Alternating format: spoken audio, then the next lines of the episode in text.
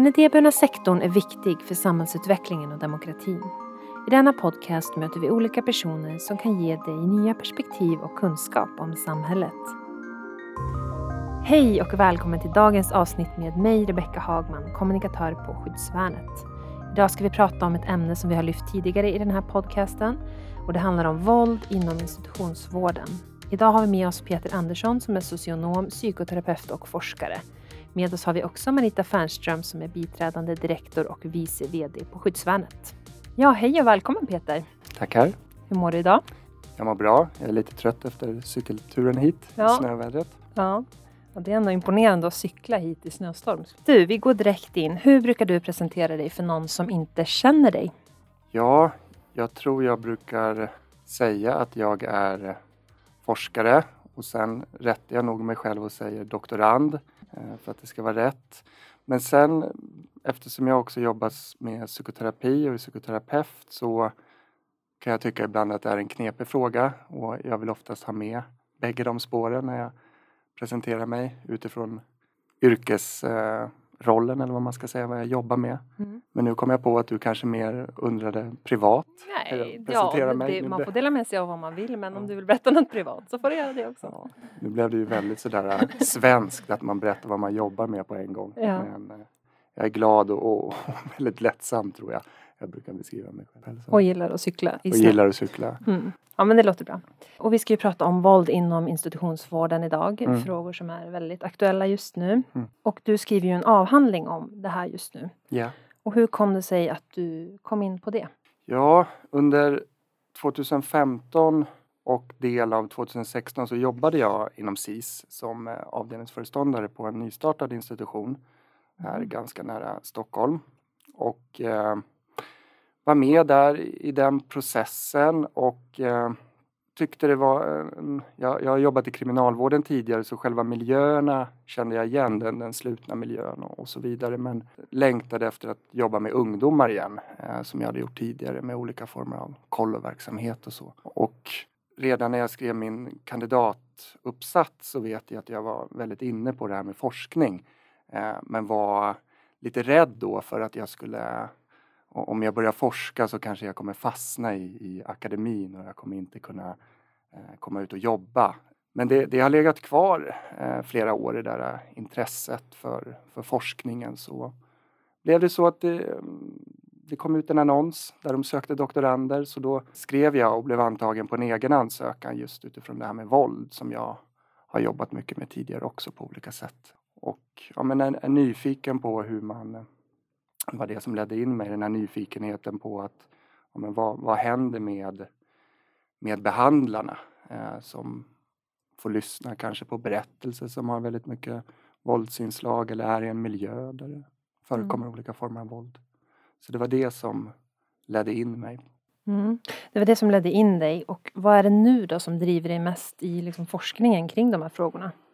Ja, men det, avhandlingen har ju ett tydligt personalperspektiv och eh, jag kan väl tycka att personalen delvis kanske har blivit lite så orättvist behandlade i tidigare forskning här i Sverige. Att man oftast, att man enbart kanske har betonat att de, de har låg utbildning, de gör inte ett bra jobb och så vidare. Så att eh, här vill jag verkligen fånga personalens röster. Då väldigt snävt utifrån det här våldsperspektivet men Eh, en av drivkrafterna är ändå att verkligen låta personalen få, få komma till tals eh, från de här institutionerna. Och det här är ju som du säger från ett personalperspektiv som du skriver. Skyddsvärnets projekt Ung inlåst som just har avslutats efter tre år har ju fokuserat på ungdomarnas perspektiv och bland annat lyft fram problem kring våld och bristande kunskap hos personalen. Är det här ett arbete som du har följt? Absolut. Eh, eh, jag- har träffat eh, Olle vid några tillfällen, Jonas också tror jag. Eh, varit och lyssnat när de har haft sina dragningar innan corona och det kom. Blivit intervjuad faktiskt tror jag. Mm. Eh, här i slutet av projektet av, av Olle. Och ja, men tog del av den här rapporten som de bland annat släppte om det var under sommaren eller efter sommaren. och debatttexterna som de har skrivit också. Så jag har absolut följt deras arbete. Det är ett jätteviktigt arbete. Mm. Och vi, vi kommer gå vidare och prata mer om det här lite senare. Men jag tänkte, för de som inte är så insatta och du som kan mycket kring det här. Hur många ungdomar placeras på statliga ungdomshem varje år? ungefär, vad kan man säga, 1100, mellan tror jag 1000 och 1200 kan man säga. Mm. Eh, årligen ungefär och det, det har legat ganska stadigt. Kan du berätta lite om just målgruppen? Det kan ju se väldigt olika ut varför man placeras på ungdomshem. Mm, mm. På någon form av generell nivå kan man väl säga att först är det fler pojkar som placeras. Jag tror av de här 1100 kan man väl säga att drygt 700 är, är pojkar och resterande flickor. Eh, de har legat ungefär, ibland kan man läsa att, att, det, att det finns en tendens till att flickorna ökar i antal men de har ändå legat ganska mm, på liknande siffror sedan sist startade så att säga. Eh, så fördelningen har varit ungefär en tredjedel flickor och en två tredjedel pojkar. Och om den gruppen kan man väl säga att det, är en, belastad grupp med en stor psykosocial problematik på, på olika sätt. Kriminalitet, missbruk, annat socialt eh, destruktivt beteende. De har ju oftast varit i någon form av vård innan också. Samhällsvård, familjehemsplacerade eller kanske placerade på HVB-hem eller haft behandling hemma genom socialtjänsten. Så många gånger så har man prövat flera insatser innan eh, och eh, ibland kallas ju de här SIS institutionerna som en form av sista anhalt, vilket eh, ja, på något vis har en ganska negativ underton. Men det är en väldigt belastad grupp som har varit med om väldigt mycket av innan. Mm. Våld i hemmet bland annat kan relativt vanligt förekommande. Andra former av trauman som de har varit med om. Mm. Jag vet att uh, Olle pratade mycket om också att det kan vara väldigt blandat i åldrar. Att det kan vara en ung person som sitter med en, en äldre ungdom mm, och mm. den äldre ungdomen kanske har en bakgrund av brott och den här unga personen kommer från bara problemfamilj. Mm, uh, och att man påverkas och utsätts liksom på grund av det. Mm. Vad säger om den bilden? Jag, jag, tror de har någon form av delning mellan skolpliktiga och icke skolpliktiga i, i min uppfattning. Sen del, kan jag delvis dela Olles bild där men och den kanske främst egentligen handlar om akutavdelningarna skulle jag kunna tänka mig. Eh, där, vilket jag också har kritiserat just SIS för den här verkliga blandningen som det ibland blir på akutavdelningarna där någon med kanske låg risk blandas då som du är inne på, någon med, med hög risk mm. vilket, vilket inte alls är bra. Sen kan man ju även prata om unga och, och lite äldre pojkar eller flickor på respektive den här första indelningen som jag sa att på institutioner exempelvis då som tar emot kanske skolpliktiga då 12 upp till 15 så är det ju ändå en stor skillnad på att vara 12 år och vara 15 år så absolut mm. kan, kan det ju förekomma på, på de vanliga avdelningarna också. Flera debattartiklar har ju du uttryckt att det saknas rätt kunskap hos personalen på SIS ungdomshem. Och det vill säga att de inte är rustade att ge den vård och behandling som de här ungdomarna behöver på grund av bristande utbildning. Är det här ett utbrett problem? Ja, jag vill ju ändå stå fast vid det men eh, låt mig då kanske ändå först säga att det är ändå viktigt på något vis att stryka under att det finns massor med personal inom SIS som gör ett väldigt bra jobb de är där för att jobba med ungdomarna och de vill själva vara där och jobba med ungdomarna också. Jag tycker det är viktigt mm. att stryka under. Men sen kan man backa då till det här med utbildning och, och, och, det som jag på något vis kanske vänder mig lite emot det är att den här grundutbildningen som man ska ha för att bli fast anställd som behandlingsassistent det är mer att jag tycker att den är ganska grund. Att det då är en ettårig eller ett och ett halvt årig utbildning mm. på på folkhögskola eller yrkeshögskola. Att då jobba som vi pratade om tidigare, vilka de här ungdomarna är och vad de har varit med om tidigare och där de nu landar på SIS, så skulle man ju kunna tänka sig att här ska de då bli mötta med, med ett batteri av, av väldigt eh, kompetent och duktig personal, men det är nästan lite omvänd ordning på det där. Eller att man skulle vilja att utbildningen finns i alla led hos alla organisationer och myndigheter, men att så det, det, är en aspekt som jag vänder mig emot och har argumenterat för att man borde förlänga de här folkhögskoleutbildningarna, yrkesutbildningarna. Mm. Eller möjligtvis gå tillbaks så som det var innan socionomutbildningen blev en generalistutbildning när det fanns en inriktning också mot specialpedagogik som man kan tänka är mer då för att jobba på behandlingshem och, och liknande institutioner. Mm. Sen ska man ju också säga såklart att utbildning är ju inte allt. Eh, men det är ändå någon, någon viktig grund, tänker jag, att ta med sig. En gedigen kunskapsbas exempelvis kring samtalsmetodik, eh, exempelvis kring utvecklingspsykologi, neuropsykiatrisk problematik och så vidare. Det får man idag, men man får det i sådana små doser, tänker jag. Och att sen att det inte riktigt heller underhålls på institutionerna mm. Eh, med den formen av utbildning, utan det blir mer, min uppfattning då, lite sådär släcka bränder. Att nu är det viktigt med den här insatsen. Eh, att det inte finns en kontinuitet heller på, på institutionerna. Och det har man också kunnat visa i annan forskning, inte i min forskning, men det här med att vidareutbilda personalen på plats på institutionerna är också väldigt svårt.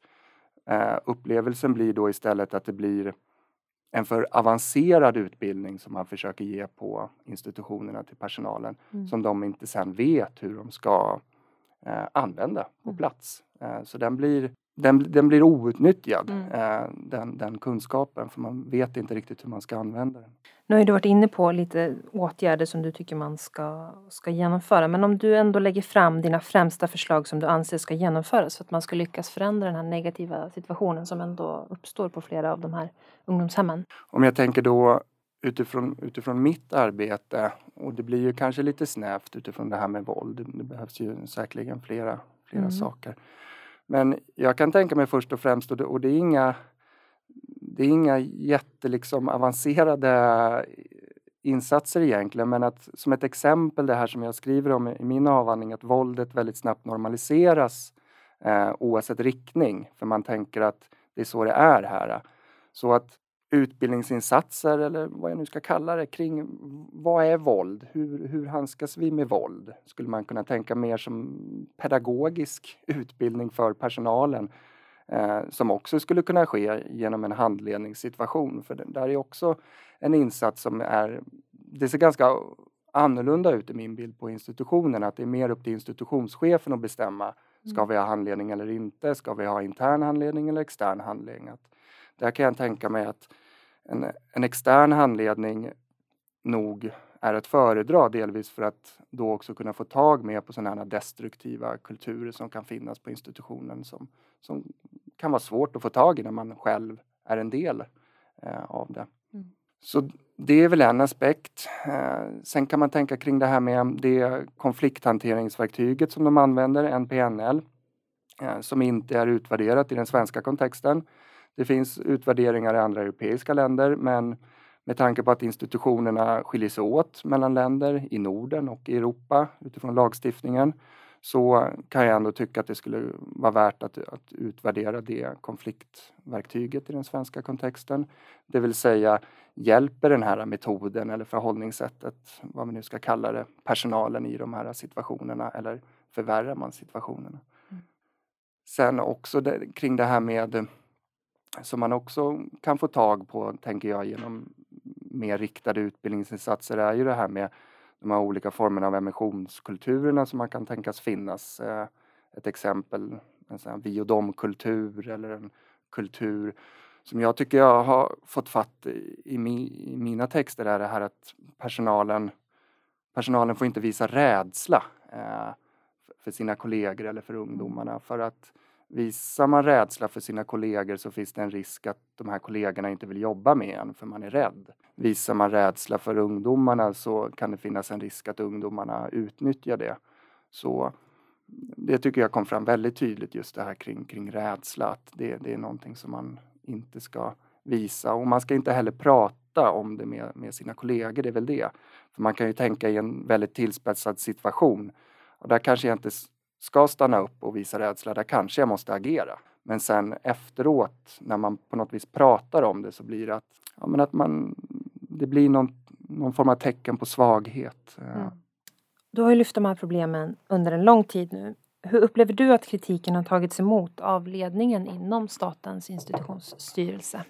Ja, men där vill jag ändå utifrån mitt, min senaste brandfackla som jag kastade in som jag ändå tycker togs emot bra. Där man kanske tidigare mer Sen blir det väl alltid speciellt att man diskuterar med varandra på liksom i tidning och sådär men att nu som det verkar så, så tycker jag generaldirektören har bra idéer. Eh, mm. absolut, mm. så det, det tycker jag. Och att de tar debatten med oss forskare också, vilket inte har varit lika vanligt tidigare tänker jag. Att att det blir en debatt. Så det, det är också en viktig aspekt i det här. Sen är det väl upp, upp till, eh, jag vet inte om man kan säga bevis, men de här förslagen som har lagts ut från, från, eh, från GD med eh, mindre avdelningar exempelvis, större fokus på neuropsykiatriska funktionshinder och så vidare. Ett bättre bemötande, identifiera våldssituationer och sånt. Att vi får hoppas att, att, att det blir en, en positiv utveckling. Mm. Så det är inte så att de, att de är tysta. Jag tror det är många som också i ledningen som vill ha förändring. det var en av mina frågor, har det skett någon form av konkret förändring redan nu? Ja, de har redan. gjort förändringar men de förändringarna kan man ju också diskutera om man tycker de är bra eller mindre bra. Som det här med säkerhetsklassning och så vidare. Jag ställer mig ju kritisk till den formen av förändring. Eh, att man ska säkerhetsklassa de här eh, ungdomsinstitutionerna. Eh, jag har ju mer argumenterat för att man borde behandlingsklassa dem på olika sätt mycket tydligare än vad man gör idag. Men där menar SIS att man redan gör det.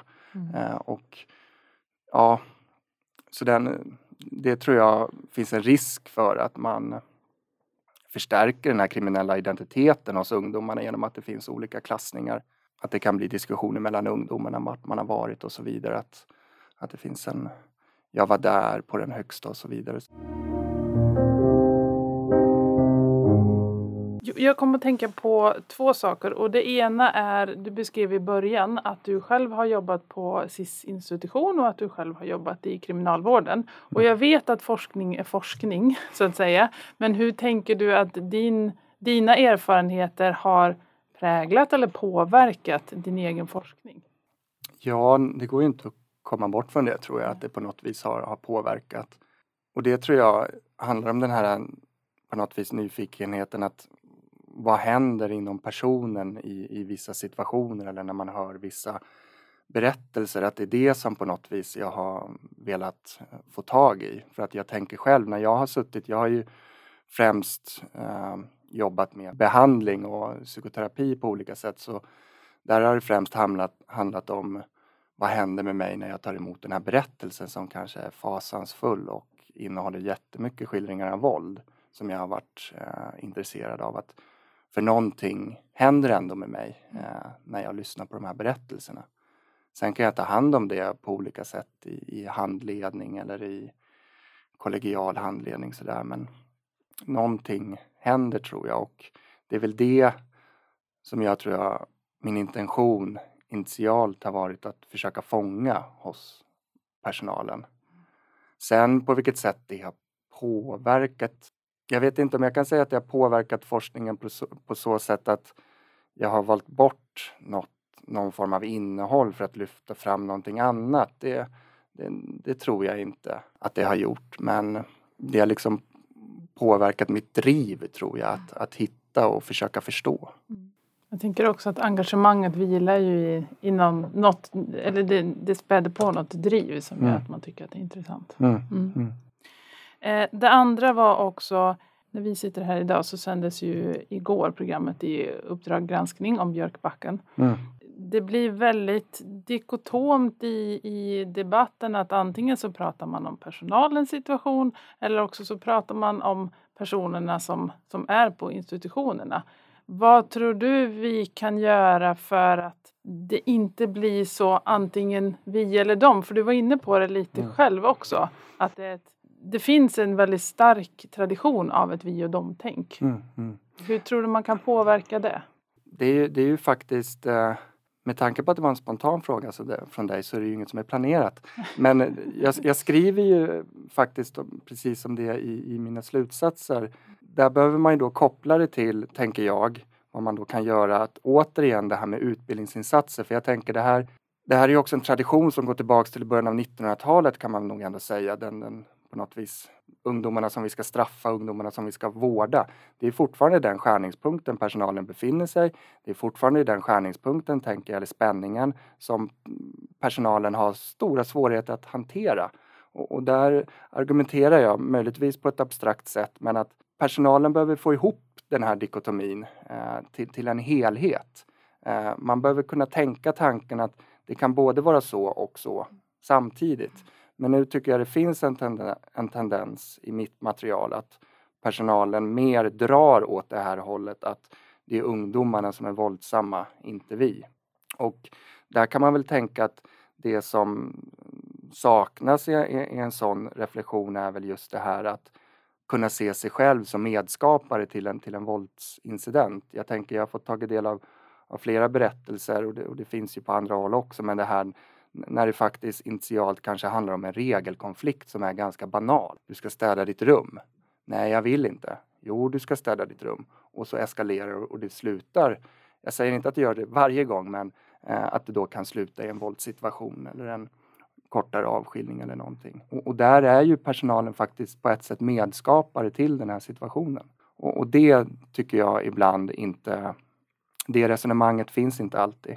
Och, och sen det här också att man ganska, vilket kanske var igår i Uppdrag granskning, nu var det ju två korta intervjuer med personal och de kan ju, vad vet jag, ha upplevt sig överraskade och, och allt därtill. Men det här att, att man kanske lutar sig lite mot det här äh, med de särskilda befogenheterna att jag, jag gjorde bara mitt jobb. Det var för att skydda mig själv eller mina kollegor eller ungdomarna eller personen själv och så vidare. Och där där, där har, finns det också en tendenser i mitt material till att man inte så ofta tänker tanken att hur upplever ungdomarna det här? Den tendensen var större på den institutionen där jag var, där det, där det var flickor, eh, upplevde jag. Att där kunde personalen på ett annat sätt reflektera kring att flickorna kanske har varit med om övergrepp och sånt tidigare. Det är väldigt viktigt hur vi, hur vi tar i dem, om vi blir tvungna att lägga ner dem och så vidare. Det tyckte jag inte fanns lika tydligt i, hos personalen som jobbade med pojkarna. Uh, men det, det, är väl liksom att, att, få ihop den här dikotomin. Uh, sen hur man i praktiken gör det, det, det kan jag kanske inte ha något direkt svar på men ett enkelt svar är ju utbildning på något vis. Att få information om uh, att det här har det här har funnits med i historien, så här är det att jobba. Vi behöver ta hänsyn till det här i, i det dagliga arbetet. Ja, och bara lyfta upp och prata om ja, det och liksom konstatera att, ja, det, att ja, det är det. Mm, Kriminalvården har under lång tid haft personer som kommer utifrån och alltså kompletterar kriminalvårdens eget arbete med klienterna. Det kan vara besöksgrupper och vissa aktiviteter och samtalsgrupper och så vidare. Och det kan vara eh, utförda av till exempel olika idéburna organisationer utanför. Hittills har det varit oerhört svårt att som idéburen aktör komma in på SIS och utföra liknande stödarbete för barnen och ungdomarna som är där. Varför tror du att det är på, på det sättet? Det blir ju att spekulera. Eh, för jag kan tänka mig att, att det skulle vara jättebra att fler organisationer kom in så som du beskriver att det är på kriminalvården. Ja, men jag, jag är också ganska sådär äh, att jag inte riktigt vet. För det, det känns så här, de, vad har man att förlora egentligen? Mm. De har ingenting att förlora på att släppa in. Ett svar kanske, jag vet inte, att kriminalvården är en mycket större myndighet och har liksom säkert en, en helt annan erfarenhet av det här och en annan styrning. Mm. Jag vet inte om det på något vis kan, mm. kan spela roll att, att det, ibland kan det ju vara så att institutionerna själva får bestämma lite hur man ska göra och vill vi ha in någon eller vill vi inte ha in någon? Att man tänker att det kanske, jag föreställer mig ändå, eller min erfarenhet också, att det finns en annan hierarki på gott och ont i, i kriminalvårdens myndighet. Och, ja. Mm. Hur är arbetsmiljön inom SIS om man tittar på anmälningar till Arbetsmiljöverket? Det vet faktiskt inte jag hur många anmälningar för jag tror inte alla, jag tror inte alla incidentrapporter om, om våldshändelser går, blir en anmälan till Arbetsmiljöverket. Men annars kan man, man kan ju säga om, om, om arbetsmiljön kan, kan, man ju, det pågår ju forskningsprojekt vet jag nere på Göteborgs universitet, delvis på universitetet och sen på Chalmers tror jag också just kring vårdmiljön. Eh, hur man kan utforma miljön på ett tilltalande sätt eller också på ett rehabiliterande och terapeutiskt sätt. Sen kan man ju prata mer också mer polit praktiskt, eller vad man ska säga, med mer det här att behandlingspersonalen jobbar långa pass eh, flera dagar i rad och betydelsen av det, hur det påverkar, hur de här rapporteringssystemen också ser ut eh, för personalen när de ska rapportera om en våldsincident. Med, med tanke på att incidenterna har ökat stadigt hela tiden så kan man ju det finns säkerligen flera förklaringar till, till det. En förklaring kan ju vara att det har blivit enklare för personalen att göra de här anmälningarna. Jag tror inte det handlar om att ungdomarna på något vis har blivit våldsammare. Det tror jag inte. Sen tror jag också det finns ett ganska stort mörkertal, eh, i varje fall vad gäller det här psykologiska och materiella våldet som jag har sett normaliserats eh, väldigt snabbt. Så jag tror det finns ganska stort mörkertal. Och, och jag tänker det var ju också ett av de här nya besluten som kom från GD, det här med plastbestick exempelvis. Mm. Det, det, kan man också tänka är kopplat till, till arbetsmiljön.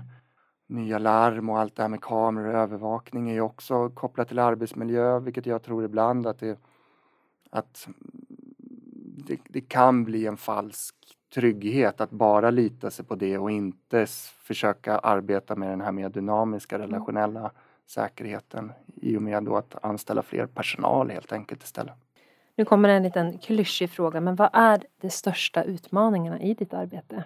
Ja, det är väl i så fall att, att få klart få klart artiklarna och skicka in dem i tid. Mm. Eh, och att de ska bli antagna, det är den största utmaningen jag tycker. Eh, det är jättejobbigt mm. och en eh, ångestladdad period när man har skickat in sina artiklar. Mm. Men det är viktigt och det, det är att de ska granskas och så vidare. Men det... Tror du att ditt arbete kring de här frågorna kommer leda till de konkreta förändringarna som du vill se? Kanske inte till de där konkreta förändringarna, det vet jag inte, men jag tror absolut, eh, om man får klappa sig själv lite på axeln, jag tror absolut att, att jag har hjälpt till att kasta ljus på, på våldsfrågan. Eh, det, det tror jag faktiskt. Och på utbildningsfrågan. Mm. Det, det mm. tror jag. Mm. Sen vad det leder till, det, det får vi se. Det får vi se. Man kan ladda ner min, min avhandling kan man göra och läsa mm. eh, om man skulle vilja. Och man får jättegärna höra av sig till mig om man får någon fundering. Var hittar man information då? Man hittar information eh, på institutionen för socialt arbete på Stockholms universitet under personal så hittar man mig. Mm. Du, då går vi in på den sista frågan som vi ställer till alla som är med i den här podcasten. Kan du dela med dig av någonting som du tror att många inte vet om dig? Mm. Jag, jag bollade faktiskt den frågan med min sambo igår. Vad ska jag säga? Så hade, jag något, så hade jag något förslag som jag inte kommer säga här nu. Hon, hon såg helt förskräckt ut när jag sa det. Nej, det kan du inte säga. Har du redan spelat in? Herregud!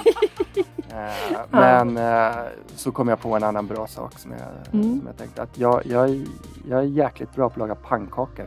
Oh. Eh, jag har varit tvungen kanske man inte ska säga, men från när jag var väldigt liten, jag tror 9-10 år så blev det min uppgift på torsdagar hemma att stå och steka pannkakor. Eh, så fortsatte jag med det under hela tiden som jag bodde hemma. Och... Mm. Det var en bra egenskap. Ja. Mm. Men du Peter, då vill jag säga stort tack för att du kom hit och delade med dig av din kunskap. Tack för att jag fick komma hit, jättetrevligt.